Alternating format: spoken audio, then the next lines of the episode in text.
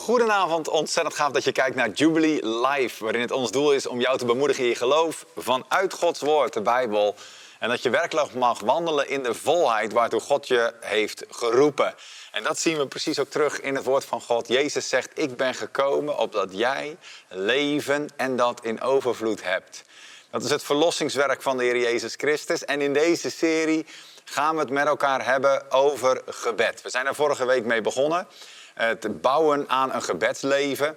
En ik wil in deze serie wil ik daar de draad weer voor oppakken. Ik wil vandaag praten over praten tot God als eerste stap.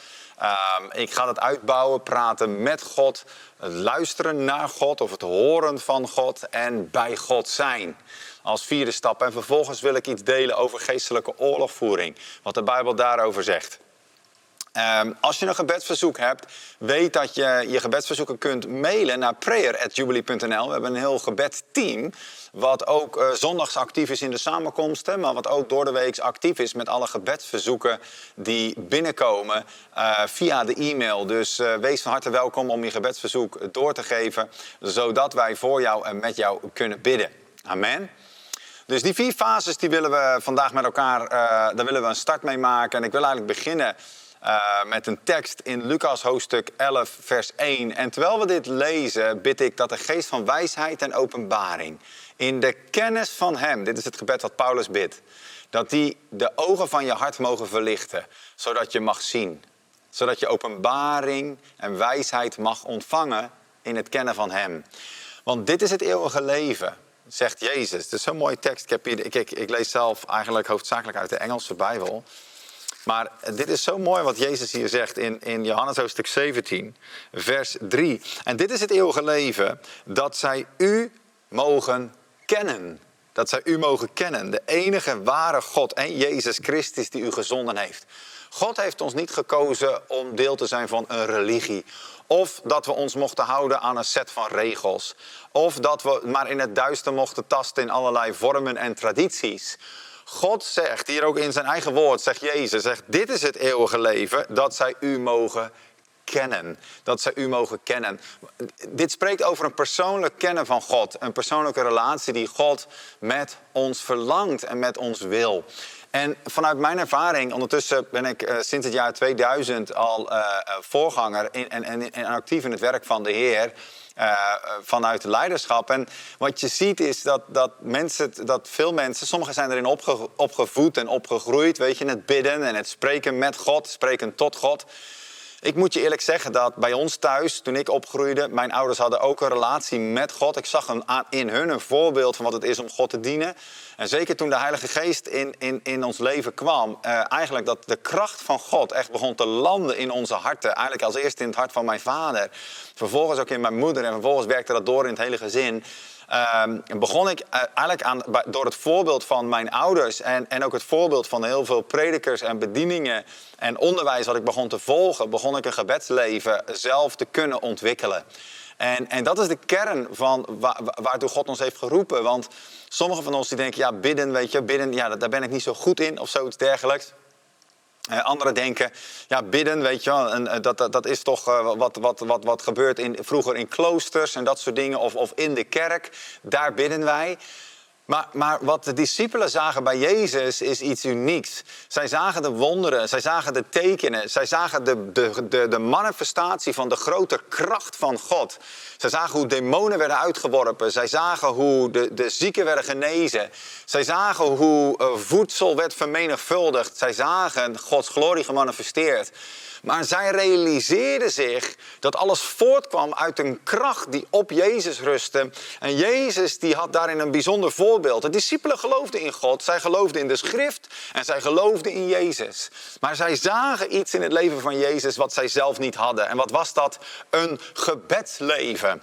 Een koppeling, een rechtstreekse koppeling met de hemel. Een rechtstreekse koppeling zoals een zoon dat heeft met zijn vader. Zagen zij bij Jezus en zij realiseerden zich dat de kracht en de glorie en de kracht van het leven waarin Jezus functioneerde, kwam voort vanuit die persoonlijke verbinding die hij had met zijn hemelse vader.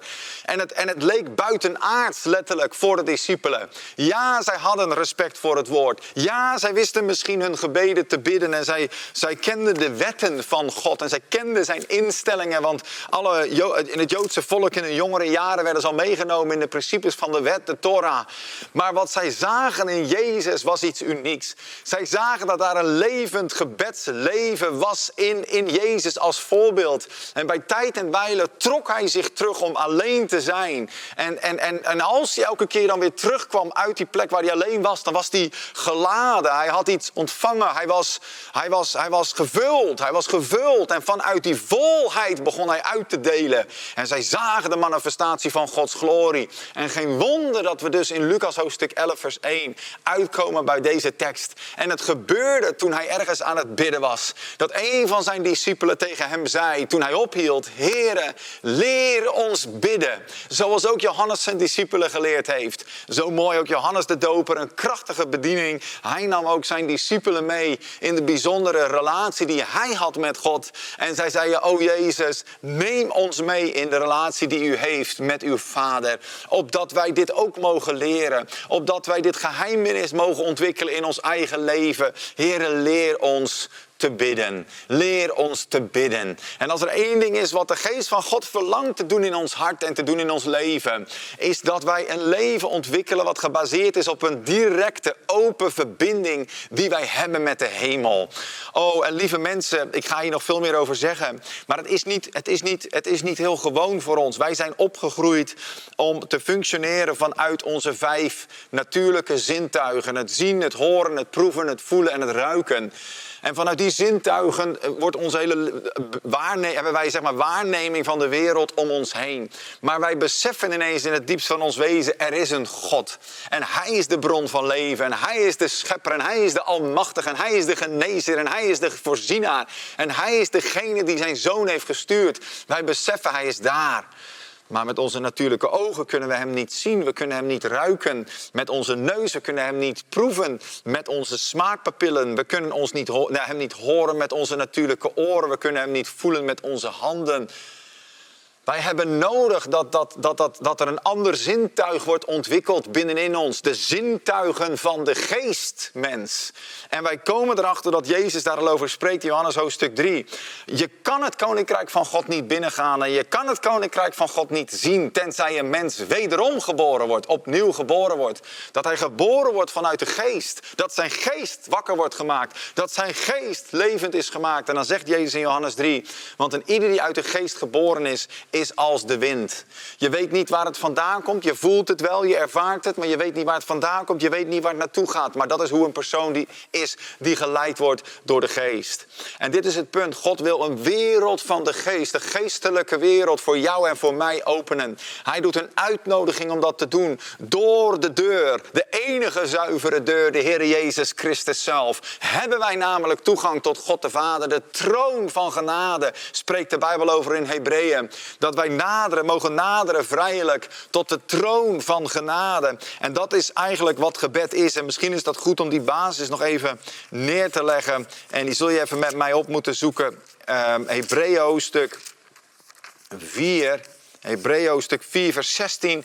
Laat ons daarom vrijmoedig naderen tot de troon van genade. Zeg, wat voor troon heb je het? Waar heeft de Bijbel het hier over? De troon van God. Het woord van God geeft ons dat door de Heer Jezus Christus, onze grote hoge priester, die door de hemelen is gegaan in vers 14, Jezus de Zoon van God, laten wij vasthouden onze beleidenis. Want we hebben niet een hoge priester die niet kan sympathiseren met onze zwakheden, maar was op alle punten beproefd en verzocht, zoals wij dat ook worden toch uh, staat er yet without sin. En dit zonder te zondigen. En dit zonder dat hij verviel in zonde. En dan staat er laat ons daarom vrijmoedig naderen tot de troon van genade. In Hebreeën stuk 4 vers 16. Opdat wij barmhartigheid mogen verkrijgen en genade mogen vinden om ons te helpen in de tijd dat we het nodig hebben. De Bijbel leert ons hier, wij hebben vrijelijk, wij hebben vrijelijk toegang tot Gods eigen troon. Dit is wat de discipelen zeiden, zagen. En zij zeiden tegen Jezus, leer ons bidden. Leer ons te bidden. Hoe ontwikkel je een relatie met God? Hoe ontwikkel ik een relatie met God? En ik wil je eigenlijk meenemen vanaf de basics. Vanaf mensen die die niet, om mensen te helpen ook die helemaal geen ervaring hebben met gebed. En gewoon stappen te kunnen zetten in je gebedsleven. En eigenlijk in dit gebedsleven deze persoonlijke verbinding met God zo te kunnen gaan opbouwen. En zo daarin te kunnen gaan groeien totdat je merkt, oh mijn leven is verbonden in Hem. En ik vind oh, daar waar, weet je, het is geweldig als je in de samenkomst komt en je ontmoet daar God. En je ervaart daar God. En je, je, bent, je bent bemoedigd en je wordt gevuld met de geest van God. En er is een man of een vrouw van God. En je hoort de woorden van de Heer en er is misschien bediening. En er wordt de geest van God, er worden handen opgelegd en de kracht van God raakt je. En dat is zo nodig en dat is waar de Bijbel over spreekt. Maar de Heer verlangt dat wij allen een persoonlijke relatie en koppeling hebben met God. Totdat dat je op een gegeven moment op dat punt komt in jouw persoonlijk leven. Dat daar waar jij, waar we het vorige week over hebben gehad, daar waar jij zelf het, het weet je wel, tijd apart zet voor God. Wat we ook wel noemen soms stille tijd. En daar ga ik wel meer over zeggen, dat is een mooie benaming. Maar het betekent niet dat het altijd stil hoeft te zijn. Maar in ieder geval tijd apart met God. Wel stil van alle andere invloeden. En gefocust op God. Dat je die tijd neemt. En dat je dat. En, en in mijn eigen leven kwam ik erachter dat op een gegeven moment. toen de kracht van God in mijn leven begon te komen. Ehm, ehm, en en dat, is, dat is heel reëel. De kracht van God is heel reëel. We lezen het in de Bijbelhandeling hoofdstuk 2. De Heilige Geest werd uitgestort. En toen de Heilige Geest werd uitgestort, toen kwam hij met kracht. Je kan de Heilige Geest niet loskoppelen van kracht. Als je geen kracht van God hebt in je leven, heb je de Heilige Geest niet. Die zijn onlosmakelijk. Het kan niet zo zijn dat een christen zegt: Ik heb de Heilige Geest, maar er is geen kracht. Dat zou echt heel raar zijn. Omdat overal in de Bijbel waar de Heilige Geest is, daar komt hij met kracht. Grote kracht. Bovennatuurlijke kracht. Dynamisch staat daar. U zult kracht ontvangen als de Heilige Geest over u is gekomen, zegt Handelingen hoofdstuk 1, vers 8. Jezus spreekt daar. Dynamisch, dat is hetzelfde woord, het Griekse woord waar het woord dynamiet vandaan komt. We hebben het niet over, over, over kleine dingen. We hebben het over grote kracht. En lieve broer, lieve zus, jij en ik, wij hebben grote kracht nodig. Grote kracht nodig om de, om de uitdagingen van dit leven, om die, om, om die te overwinnen. Om te wandelen in overwinning, om te zien hoe ziekte wijkt, om te zien hoe we omstandigheden zien veranderen, om te zien hoe bergen wijken uit ons leven, om te zien hoe God zijn wonderen kan doorwerken, ook in onze persoonlijke levens. Is grote kracht voor nodig. Om een huwelijk te herstellen, daar is grote kracht voor nodig. Om, om, om de wonderen te doen, mensen die geen kinderen kunnen krijgen en ze hebben een wonder nodig, daar is kracht voor nodig van de Heilige Geest. Om de ziekte te verdrijven, daar is kracht voor nodig. We hebben de Heilige Geest nodig en Hij komt met kracht. Je zult kracht ontvangen, dynamisch, dynamietkracht, als de Heilige Geest over je is gekomen. En daardoor en vanuit daar zul je mijn getuige zijn in Jeruzalem, Judea, Samaria, tot het einde van de wereld. En zo gezegd, zo gedaan. De geest van God werd uitgestort en de discipelen gingen uit. En lieve broer, lieve zus, deze Heilige Geest, dezezelfde Heilige Geest is beschikbaar voor elke gelovige. Voor elke gelovige. En als je de Heilige Geest al bij, misschien al in een bepaalde mate hebt in je leven, deze mate van de Geest van God, die kan toenemen in je leven. Halleluja. Halleluja. Deze tegenwoordigheid van God, deze kracht van God, die rust op je leven, die kan toenemen. Met dat je meer kennis krijgt van Gods woord. Met dat je meer begint te bewegen in de geestelijke dimensies van God. Want God is geest, zegt Jezus in, in Johannes hoofdstuk 4, vers 24. God is geest. En wie hem aanbidden, moeten hem aanbidden in geest en in waarheid. Johannes 6, vers 63. Want de woorden die ik tot u spreek, zegt Jezus, zijn geest en zij zijn leven.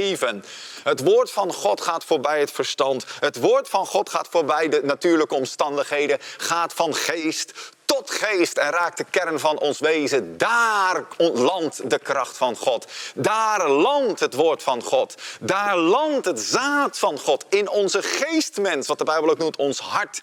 Dat is de landingsplaats, ja, de grond waar het zaad van Gods woord geplant wordt. En ons, de, de grond van ons, van ons hart brengt voort een oog, zegt Marcus hoofdstuk 4, als Jezus spreekt over de zaaier zaait het woord. Halleluja. Prijs de Heer. Ik voel een flow. Amen. Zeg eens flow. Amen. Halleluja. En vandaag dus terug naar die basis. Weet je, je zegt, ja, maar Bennett, je bent wel behoorlijk enthousiast over deze dingen. Maar ja, ik, ik ervaar het op die manier niet. Of nog niet. En, en je, je zal ervaren in je hart dat je weet van nou, je bent er wel toe geroepen. Maar misschien functioneer je er nog niet in. En daar wil ik je vanavond ook en vandaag mee helpen. Kijken wat het woord van God zegt. En laten we stappen zetten om te groeien in de dingen van God. En dat we werkelijk een gebedsleven gaan opbouwen. Ik ga je helpen. Stap voor stap. Dus de Bijbel zegt, wij kunnen vrijelijk naderen tot de troon van God.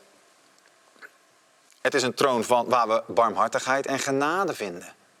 mensen zeggen, er is ook zo'n lied, knock, knock, knocking on heaven's door. Dat is niet waartoe we geroepen zijn, om bij de deur te kloppen van de hemel. Nee, de Bijbel zegt, wij naderen tot de troon. We hebben rechtstreeks toegang tot de troon. Nee, zeggen religieuze christenen die vastzitten in traditie. Nou, nou, nou, wij zijn, je kon daar niet zomaar komen, wij zijn zondaren. Pardon? Als je Jezus Christus hebt aangenomen als je Heer en je Verlosser, dan zijn je zonden toch weggewassen? Of was het offer niet sterk genoeg? Ja, maar in mijn natuur blijven wij zondaar. Nee, nee, nee. De Bijbel zegt, hij die in Christus is, is een nieuwe schepping. Is het woord van God waar? Of zijn jouw oude denkbeelden waar die niet in lijn zijn met het woord van God? Ja, maar zo ervaar ik, zo proef ik het niet. Is jouw ervaring de waarheid? Of moet jouw ervaring zich juist onderworpen aan de autoriteit van Gods woord? Dat laatste. Wij moeten leren ons denken. Soms zitten er religieuze bolwerken in ons hoofd, die zitten in je bol. En die houden ons weg van het leven waartoe God ons geroepen heeft. Dit zijn geen nieuwigheden. Dit is niet een fancy nieuwe doctrine. Nee, dit is 2000 jaar geleden opgeschreven in jouw en mijn Bijbel. Dat het voor jou en mij soms een herontdekking is, dat ligt aan jou en mij. En dat ligt aan onze voorouders, die hier en daar ja, soms ervoor hebben gekozen om, ja, weet je wel, het woord van God soms niet te nemen zoals het er staat en misschien anders uit te leggen en weet ik veel wat. Jezus zegt, je moet worden als een kind om het koninkrijk van God binnen te gaan. Dus ik ga niet mee in allerlei ingewikkelde theorieën of dingen of mensen die me proberen uit te leggen waarom het woord van God niet meer, niet meer waar is voor nu. Waarom God niet meer doet wat hij toen deed. Ik ga niet mee in dat soort ingewikkelde theorieën. Ik wil zijn zoals Jezus zegt dat ik moet zijn, als een kind geloof als een kind. Als ik dingen, ik heb zelf vijf kinderen en ik ben, voel ik enorm door gezegend. Maar als ik mijn kinderen begin mee te nemen in de dingen van Gods woord en ik begin ze te vertellen van het woord van God, het gaat in hun hart open. Zij horen het, zij geloven het, zij verwachten het. Ik wil zijn als een kind. Ik hoor het, ik geloof het, ik verwacht het. En daarom heb ik ook mogen zien dat God zulke machtige dingen doet. En elke dienst weer worden levens van mensen totaal getransformeerd door de kracht van God en door het, de kracht van het woord van God. Vanwege de aanwezigheid van de Heilige Geest in de samenkomsten. En dat is wat jij nodig hebt, lieve broer, lieve zus. Dat is wat jij. De Bijbel zegt: jij en ik, we zijn geroepen om een tempel te zijn van de Heilige Geest. Ja, toch? Dat is toch wat de Bijbel zegt? Die mensen die al wat langer in de kerk zitten, die weten dat. Je bent een tempel van de Heilige Geest. Zijn we dat wel? Of zijn we gevangenis van de Heilige Geest? Hij zit ergens diep opgesloten in het diepste kerker. Zijn we in een tempel waarin dus de Heilige Geest, die altijd komt met kracht, dat er kracht binnenin ons is? Oh, lieve broer, lieve zus, wat werd ik verkwikt en bemoedigd. Toen ik de weg ontdekte naar Gods troon en erachter kwam. Als ik gewoon in mijn kamertje, dat was destijds nog toen ik thuis woonde bij mijn ouders. Ik was 16 jaar oud, 15, 16, 15 jaar. En ik, en ik kwam op mijn kamertje en ik deed de deur dicht en ik begon mijn Bijbel te openen. Ik begon de Heer te aanbidden. En ik begon Hem groot te maken. En ik begon liederen te zingen die ik kende vanuit de kerk. En ik begon het vanuit mijn hart te doen. En ik begon de Bijbel te lezen. En vanaf het moment dat de Heilige Geest in mijn leven kwam, want dat is echt iets wat je mag ontvangen. De Bijbel zegt ook in het Nieuwe Testament dat er handen op werden gelegd. En toen ontvingen zij de Heilige Geest. Met als gevolg dat zij spraken in tongen en start en begonnen te profiteren. Gelijk bovennatuurlijke activatie. Dat is wat we zien in handelingen. Dat is wat we zien in Jubilee. Dat is wat we zien in elke geestgevulde kerk. Amen. Want daar waar de geest beweegt, daar gebeuren dezelfde dingen als die we zien in het woord van God. Amen. Prijs de Heer. Ik ben dol enthousiast over deze dingen. Goed, we gaan terug. Hoe ontwikkel ik dan een gebedsleven? Hoe kan ik dat dan? Hoe, hoe, hoe doe ik dat, Bernhard? Hoe ga ik de eerste stappen zetten om een, om een gebedsleven op te bouwen? Je komt erachter, het is niet alleen voor monniken. Het is niet alleen voor, uh, voor uh, predikers of voor machtige mannen of vrouwen van God. Nee, dit is voor iedereen. Dit is voor iedereen. Wij allemaal hebben toegang. Door de Heer Jezus Christus toegang tot de troon van genade. En wij hebben toegang tot God. En wij hebben een, God heeft ons geroepen om een persoonlijke relatie te hebben met Hem. Stap 1. Een gebedsleven opbouwen. Praten tot God. Hoe kan ik de woorden vinden om te praten tot God. Hoe, weet je, wat moet ik dan zeggen? Een prachtig begin is te starten met gebeden die Jezus zijn discipelen zelf leerde. Er zijn meer voorbeelden van. Er zijn heel veel dingen, is gebeden in de Bijbel, die je zo één op één kunt lezen. En bid die gebeden dan, spreek die gebeden uit vanuit je hart tot God. Je moet weten, God hoort je. Op het moment dat jij, waar je ook bent, de Bijbel zegt, dat kun je in Psalm 139 lezen, een prachtige psalm. Waar je ook bent, God hoort je. God hoort je. Als je spreekt tot God, Hij hoort je. Hij hoort elk woord wat ik zeg tegen je vandaag. Hij is hier. Hij is bij jou. In de ruimte waar je je nu begeeft, daar is God. Hij is daar, hij is heel dichtbij. En hij hoort je. En wij kunnen praten tot God. Wat moet ik zeggen tegen een heilige God? Wat moet ik zeggen tegen mijn grote God? Wat kan ik zeggen? Welke woorden kan ik zeggen? Jezus geeft ons een voorbeeld. Jezus gaf als antwoord toen de discipelen tegen hem, aan hem vroegen: Leer ons te bidden, Jezus. Gaf hij hen dit gebed. Matthäus hoofdstuk 6. Laten we eens met elkaar lezen vanaf vers 9. Bid u dan als volgt. Bid u dan zo. En hij zei deze woorden. Onze Vader, die in de hemelen zijt. Uw naam worden geheiligd. En dan gaan we naar de volgende vers. Uw koninkrijk komen. Uw wil geschieden. Zoals in de hemel, zo ook op aarde. In mijn leven en in mijn omgeving. 11. Geef ons vandaag ons dagelijks brood. Vers 12.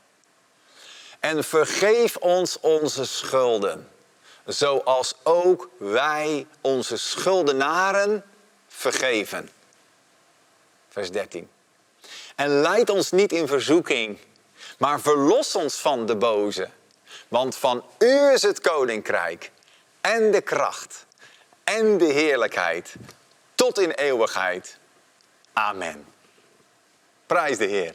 Dus hier zien we, Jezus die geeft een gebed. Toen de, toen de discipelen vroegen aan Jezus, sommige mensen zeggen, ja, kunnen we wat met dat gebed? Moeten wij wat met dat gebed? Ja, natuurlijk kun je wat met dat gebed. gebed. Want Jezus, de discipelen vroegen het aan Jezus en hij zei zo, bid zo, bid zo. Dat was het gebed wat de Zoon van God letterlijk gaf aan zijn discipelen. Hij gaf dat aan zijn discipelen. En dus als we het hebben over die eerste stap, praten tot God, waar we het vandaag over hebben. En volgende keer gaan we praten over praten met God. Dat is een andere dynamiek. Maar we beginnen eens met praten tot God. Wat, moet, wat kan ik tot hem zeggen? Dan wil ik een tip geven eerst. We hebben dus net al een gebed gelezen en ik ga daar zo meteen wat dieper op in. Maar laat me even wat praktische tips aan je geven. Begin klein. Hoe bouw je gebedsleven? Begin klein. Denk er eens over na, soms wij Westelingen, wij zijn soms ontzettend druk. En voeg dan, eh, voeg dan niet een gebedsritme zeg maar, toe aan je toch al drukke, overvolle agenda. Denk eerder na, wat kan ik weglaten om die tijd vrij te maken voor gebed? Weet je wel, misschien jouw 15 minuten op nu.nl. Of weet je wel, eh, in plaats van eh, in de lunchpauze scrollen door social media als je een lunchpauze, als je dat thuis hebt, of als je in ieder geval een ruimte hebt waar je je even kan afzonderen. Of weet je, een bepaald avondprogramma wat je altijd kijkt op tv, waarvan je zegt, nou wacht, dat doe ik gewoon niet, want daarmee creëer ik de ruimte om een gebedsritme, om een gebedstijd te ontwikkelen. En wat kun je dan, weet je, wat, wat, kun je dan bidden? Daar hebben we het net al hebben we net gezien. En welke woorden kun je dan spreken? Zoals we net hebben gezegd, wat wij noemen het Onze Vader. De teksten die we net hebben gelezen uit Matthäus hoofdstuk 6. Ik ga er zo dieper op in om wat meer uitleg te geven over wat je daar precies nou mee bidt en zegt. Maar wat je ook kunt lezen zijn de psalmen.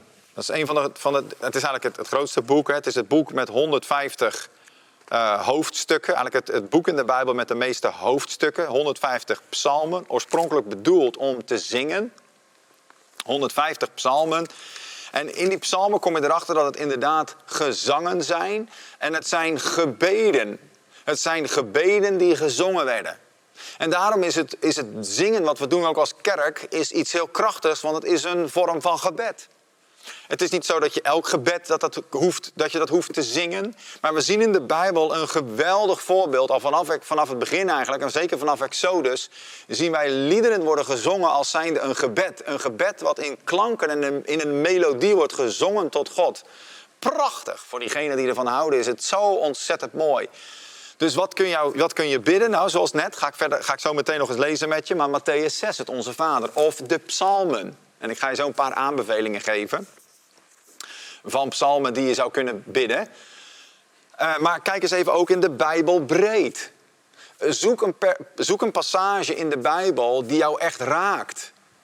En bid dat, bid dat stukje, bid dat terug naar God. Begin dat voor te lezen, hardop voor te lezen als een gebed tot God als een gebed tot God. Want je leest het eerst voort, weten dat God elk woord hoort wat je spreekt. Elk woord hoort Hij.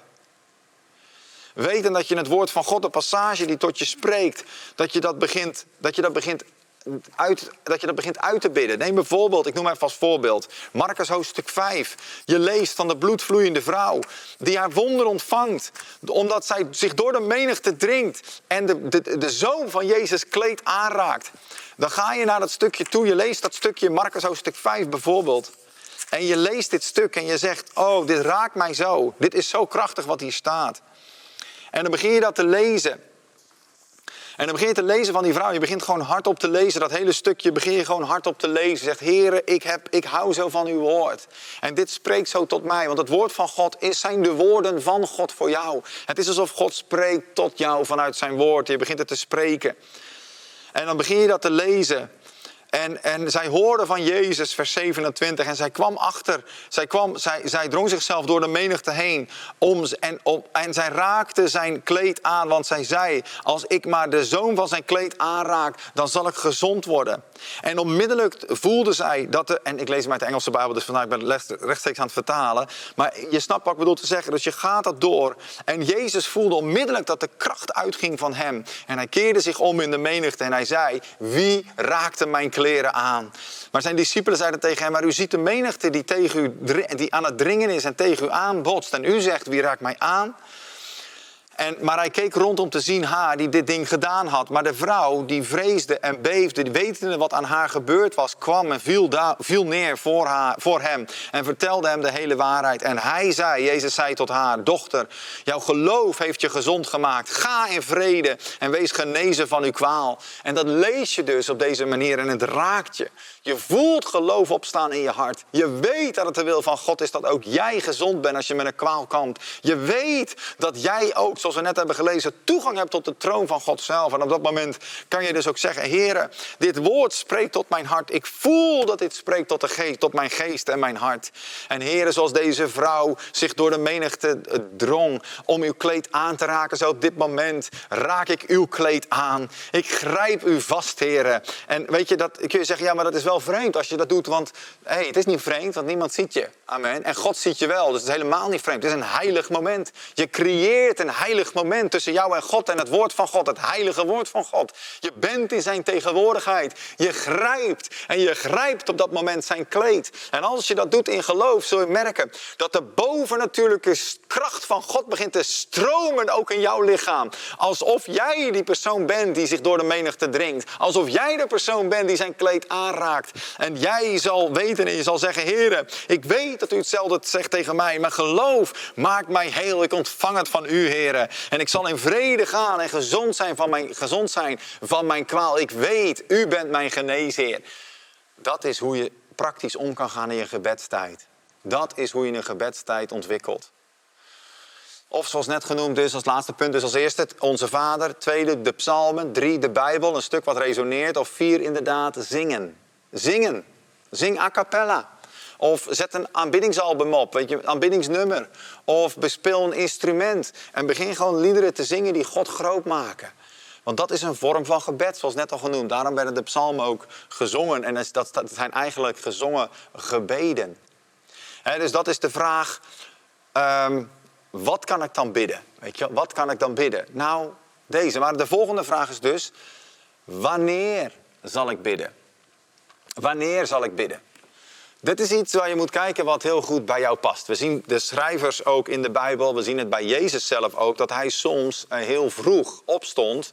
Uh, een beschrijving van zijn gebedstijd is dat hij vroeg opstond voor dag en dauw om bij God te zijn, om zijn vader, tijd met zijn vader door te brengen.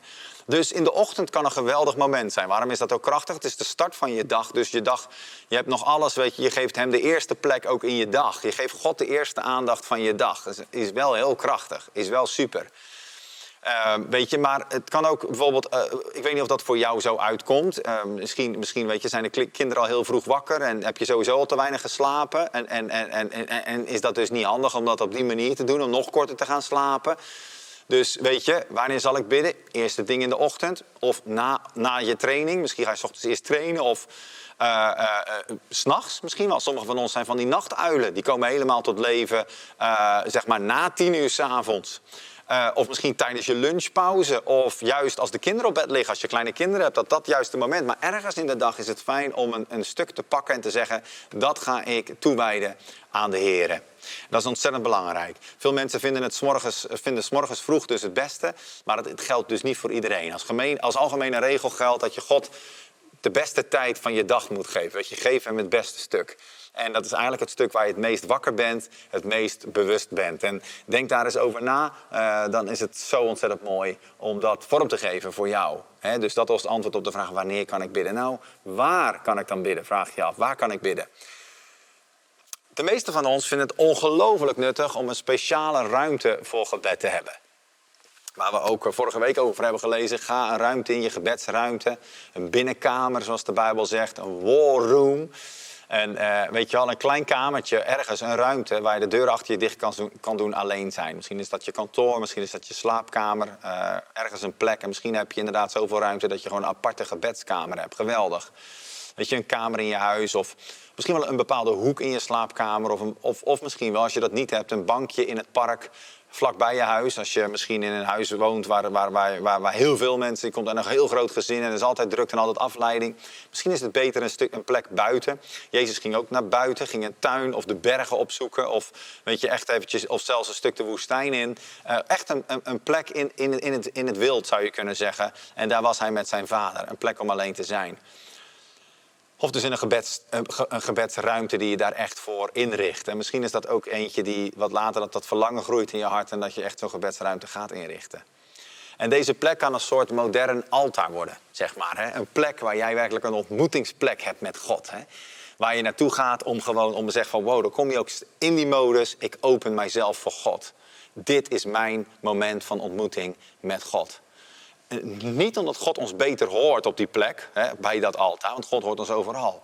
Maar omdat wij God daar beter horen. Omdat wij ons daar beter kunnen toewijden, beter kunnen afwenden af, uh, en eigenlijk eventjes af kunnen sluiten van alle stemmen, invloeden, alle ruis, alle afleiding. En dat we gewoon een plek hebben. Het is voor ons. Je doet het voor jezelf, dat je die plek creëert. Ik merkte in mijn eigen leven, ik, had altijd een, ik was niet heel sterk met opruimen. En mijn kamer, zeker als tiener, was één grote rommel. En uh, we moesten natuurlijk één keer per week, mijn ouders hadden het zo bijna dat je moet één keer per week je kamer opruimen. Dat deed ik ook wel. Uh, maar ik merkte ook in mijn gebedsleven moest ik af en toe ook, toen ik dat gebedsleven begon uh, op te pakken, toen merkte ik van ik wilde gewoon dat het een beetje geordend was. Ik had dat nodig eigenlijk ook om zeg maar die plek met God te hebben. Als je die neiging voelt, is helemaal geen rare neiging. Uh, begin het even lekker allemaal op te ruimen en, en, en misschien wel schoon te maken, zodat je echt je fijne plek met God kan creëren. Amen. Dus dat is waar je kunt bidden. Dan hoe moet je bidden? Nou, weet je, dus de vraag ook welke houding past het, past het best bij jou? Is dat, en dat is eentje waar niet harde regels voor zijn, maar dat is iets wat je, waar je ook kan ontwikkelen, eh, in ontwikkelen. Zittend op een stoel, uh, zittend op een bank of zittend op de vloer. Sommige mensen vinden dat ook prachtig. Knielen, staan. Staande bidden gewoon het beste werkt voor jou. Lopend bidden. Gewoon een beetje, je zou kunnen zeggen ijsberen of rondjes lopen, dat dat heerlijk is voor je. Sommige mensen liggen, gaan plat liggen hardop bidden, luid expressie of juist heel stil. helpt het voor jezelf om eerst eens even helemaal tot rust te komen. Eens even diep te ademen en te zeggen, wow, God, hier ben ik bij u. Sommige mensen zijn zo echt holle vliegen rennen. Opzij, opzij, opzij. Weet je, mensen die echt alleen maar bezig zijn holle vliegen rennen. Dan moet je eerst even, zo even zo'n tijd moeten hebben. God, hier ben ik. En je zal voor jezelf een modus moeten vinden hoe je ervoor kunt zorgen dat jouw lichaam meewerkt, het, meewerkt met het verlangen van jouw hart naar God. Want je bent een geest, je hebt een ziel en je woont in een lichaam. Ik merkte bijvoorbeeld in mijn leven, zeker toen ik mijn gebedsleven begon op te pakken, uh, lukt het me dat niet sowieso in de ochtend te doen. Ik zat toen nog op school, lukte me niet in de ochtend. En ik ben wat dat betreft meer een avondmens dan een ochtendmens. En dus ging ik altijd in de avond ging ik bidden. Maar soms was ik in de avond ook hartstikke moe. Dus als ik ging zitten, of ik ging te comfortabel zitten, ja, dan viel ik in slaap. Oh wat fijn, rust bij de Heer, halleluja. Maar dat was niet mijn bedoeling. Ik wilde niet rusten bij de Heer. Ik wilde, ik wilde een gebedsleven ontwikkelen. Ik wilde de Bijbel lezen als ik met mijn tijd met God was. Ik wilde God, ik wilde, en daar gaan we meer over zeggen, maar ik wil God horen spreken tot me en vanuit zijn woord. En dus ik kwam erachter dat, nou, als ik een beetje moe ben, dan moet ik niet gaan zitten. Niet te comfortabel ik, moet, ik moet misschien wel gaan staan. Of ik moet inderdaad gaan rondlopen. Of ik moet op een, op een stevige harde stoel gaan zitten. Zeker niet op een zachte stoel, niet te comfortabel. Weet? Als je merkt, je bent wat slapjes en je zit wat in je emotie en weet ik wat, dan moet je juist misschien wel krachtig gaan staan. Moet je wat harder op gaan bidden. Zodat je je geestverlangen meer ruimte geeft, je hartsverlangen meer ruimte geeft. En dat jouw lichaam ook in de juiste modus komt om de Heer groot te maken. Weet je dat David heel, zegt, heel, heel vaak tegen zijn ziel spreekt en zegt: Ziel, wat ben je onrustig binnenin mij? Gevoelens, emoties, mijn gedachtenwereld, wat een onrust. Kom op, kom tot rust. Of op een andere plek zegt hij: Ziel, loof de Heer. Maak de Heer groot. Kom op, emoties, intellect. Loof de Heer. Dat is je ziel. Je ziel is de zetel van je emoties, van jouw ding, denken, van je intellect en van je wil. En dus je moet soms spreken ook tot je ziel. Vanuit je geestmens, je hartsverlangen om God te dienen en tot God te bidden. Zeg je ziel, loof de Heer. Loof de Heer. En dan ga je de Heer loven. En dan denk je, oké vader, ik wil u loven. Ik wil u aanbidden, ik zal u loven, ik zal u aanbidden. Ik loof u, ik aanbid u. En, en ik merk in mijn eigen, ik vind het geweldig om te knielen.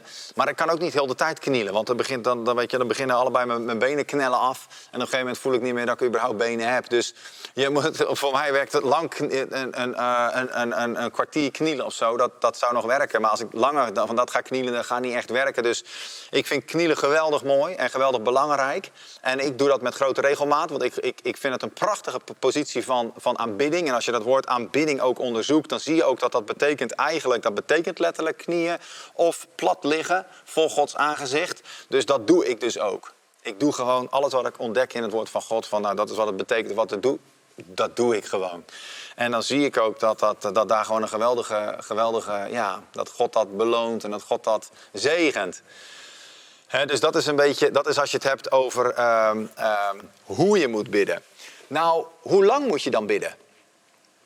Hoe lang moet je bidden? Nou, er is niet een juist antwoord, uh, maar een, een beetje zo van, nou, dit is goed, dit is fout. Maar de regel is eigenlijk, weet je wat je als regel zou kunnen houden, is lang genoeg om echt aanwezig te voelen bij God. Lang genoeg om werkelijk te voelen van, wow, ik ben bij God geweest. Zo lang. En soms kan dat dus uh, twee minuten. Dan zeg je van wauw, ik, ik ben nu al, voel ik zo ontzettend in God. En soms is er twintig minuten voor nodig. Bij, merk je bij jezelf, omdat er zoveel gaande is in je hoofd. En zoveel gaande is in je emoties. En zoveel gaande in de wereld om je. Voordat je die plek hebt gevonden waarin je werkelijk ervaart. Alles in mij heeft een koppeling met God. En ik ben met Hem verbonden. Maar het is heel mooi, in mijn, in, mijn, in mijn start van mijn gebedsleven nam ik een uur, een uur per dag sowieso, waarin ik dus uh, een uur apart zette voor de heren. Nou, dat kan, weet je wel, ik zou niet aanraden om daarmee te beginnen. He, voor diegenen die zeggen van man, man, man, het kan voor mij niet gek genoeg. Begin met een uur, prijs de heer. Hartstikke goed te doen. Uh, maar voor anderen zeggen van ik vind het best lastig. Uh, begin eens met vijf minuten en begin dat uit te breiden naar tien minuten en naar vijftien minuten. Als iemand komt en zegt, ja, ik heb al vijf, minuten, ik heb al vijf jaar heb ik al gebedsleven van vijf minuten, zou ik zeggen, dan doe je iets niet goed, want het is echt tijd dat je het, dat je het, dat je, zorgt dat het groeit, je tijd met God. Zorg dat je tijd met God groeit. Amen. Maar om te beginnen is het fantastisch, is het hartstikke mooi. Hè, bijvoorbeeld als je een pasgeboren kind hebt, je hebt net een baby gekregen of, of, of andere eh, omstandigheden, dan, dan die, die, die, 30, die, weet je, die 30 minuten zwaar maken of te zwaar maken, is het prima om te zeggen ik begin gewoon niet met 30 minuten of met een half uur, ik begin gewoon wat korter. Begin waar je bent. En zet de volgende stap voorwaarts in je reis. En hier zijn dan enkele aanbevelingen uh, die ik je wil geven als je het hebt over wat je kunt bidden uit de psalmen. En hier moet je even pen en papier pakken. En als je via de livestream kijkt, kun je ook terugspoelen. Hier kun je pen en papier pakken. Enkele aanbevelingen waar ik je wat psalmen wil geven. Hoe je je dag kunt beginnen met God. Als je je dag wil beginnen met God, kun je een paar psalmen. Daar kan ik aanbevelen. Psalm 5. Psalm 19. Psalm 20. Psalm 23. En Psalm 25. Dat zijn allemaal psalmen die je kunt gebruiken om je dag mee te beginnen. Niet dat je elke psalm moet gebruiken of allemaal, maar die kun je, kan. Maar weet je, dit zijn in ieder geval psalmen waar je terecht kunt om je dag met God te beginnen. Of als je verdrietig bent, er zijn ook psalmen voor die je kunnen helpen om te dealen met het verdriet wat je ervaart in je hart. Psalm 13, Psalm 22, Psalm 42 en Psalm 77. Dan als je bijvoorbeeld in nood verkeert. Er is een grote nood in je leven. Je zit in nood. Wat kan je bidden? Welke psalm zou je kunnen pakken? Psalm 57. Denk eens naar Psalm 57. Kijk eens naar Psalm 57. Psalm 60. En Psalm 86. kun je gewoon opzoeken in je Bijbel. En je begint hem gewoon te lezen. Welke psalm zou je kunnen lezen als je bang bent? Je merkt bangheid in je hart. Lees Psalm 27. Psalm 27. Want je ziet bijvoorbeeld Psalm 27, als we dat als voorbeeld eens nemen. Psalm 27, kijk je wat er staat. Jammer genoeg, ik heb mijn Engelse Bijbel meegenomen. Ik had liever mijn Nederlandse. Maar dan zie je bijvoorbeeld, die psalm begint... De Heere is mijn licht en mijn heil. Of de Heere is mijn licht en mijn verlossing. Voor wie zou ik vrezen? De Heere is de sterkte of de kracht van mijn leven. Voor wie zou ik bang zijn? Als jij dit hardop begint te zeggen en je begint het te bidden als een gebed wat voortkomt uit jouw hart, dan in één keer begint alles zich te ordenen. Angst begint te verdwijnen, want jij verklaart: De Heere is mijn licht en de Heere is mijn heil en de Heere is mijn redding. Je zal merken, in één keer helpt die psalm jou, het gebed, om in één keer de kracht van God te ervaren dat elke angst moet gaan. En zo gaat het door. En zo, zo gaat het dus door. En dan uh, in, die hele, in die hele psalm helpt het je om af te rekenen met, met angst, met, met vrees eigenlijk. En je volledig, eigenlijk, laat ik het zo zeggen, de psalm helpt je om je te richten op de grootheid van God. En daarmee zie je dat angst verdwijnt. Zo krachtig is de kracht van het woord van God. Als je gekwetst bent, als je gekwetst en bezeerd bent, psalm 10. Als je verlangt naar meer van God, psalm 63. Of psalm 84, als je verlangt naar meer, naar meer van God prachtige psalmen om te bidden. En gewoon uit te spreken naar God. Hoe weten het als je het leest. En hoe ik het eerlijk gezegd altijd doe, is ik lees de tekst voor. En als ik denk, dit is zo krachtig, maar ik, ik wil hem echt, ik wil het voelen, ik wil echt bewust zijn van wat er is. Ik lees meerdere keren dezelfde tekst. Totdat ik voel, ja, ik heb het echt voor mezelf staan. De Heer is mijn licht en mijn redding. Voor wie zou ik bang zijn? De Heer is, mijn, is de kracht van mijn leven. En ik lees dit dus en dan herhaal ik het nog eens. De Heer, u bent de kracht van mijn leven. U bent de kracht van mijn leven. Met dat ik het zeg, ik bid in lijn met Gods woord. God bevestigt het met zijn kracht. Ik voel dat ik opgeladen word door de geest van God. Halleluja. Of als je dankbaar bent. Psalm 9. Of Psalm 103, als je dankbaar bent. Prachtig. Of wanneer je wilt aanbidden, ga naar Psalm 8. Of Psalm 148, 149, 150. De laatste drie psalmen. Allemaal als je het hebt over aanbidding en lofprijs. En wat je dus ook besluit, hoe je het ook gaat inrichten en hoe je het ook gaat doen, bid minstens één keer per dag. Neem het vast in je ritme, bid minstens één keer per dag. Zoek dus om te beginnen een rustige plek. Leg je telefoon, andere afleidingen weg. En ga in een comfortabele, maar alerte houding zitten. Stel je hart open voor God in dat moment. En bid dan vanuit je hart, je geest, vanuit het diepst van je wezen. Ik zeg altijd, weet je, zeker in het begin, nu, nu voor mij is dat een hele normale geworden, een hele natuurlijke weg eigenlijk, alhoewel het heel geestelijk is. Maar weet je ook zo, Heer, ik, ik open mijn hart voor u. Hier ben ik voor u. Hier ben ik voor u. En wow, dan ben ik er. Waar ben je? Ik ben in zijn tegenwoordigheid. Ik zit gewoon nog op mijn stoel. Ik ben gewoon waar ik ben.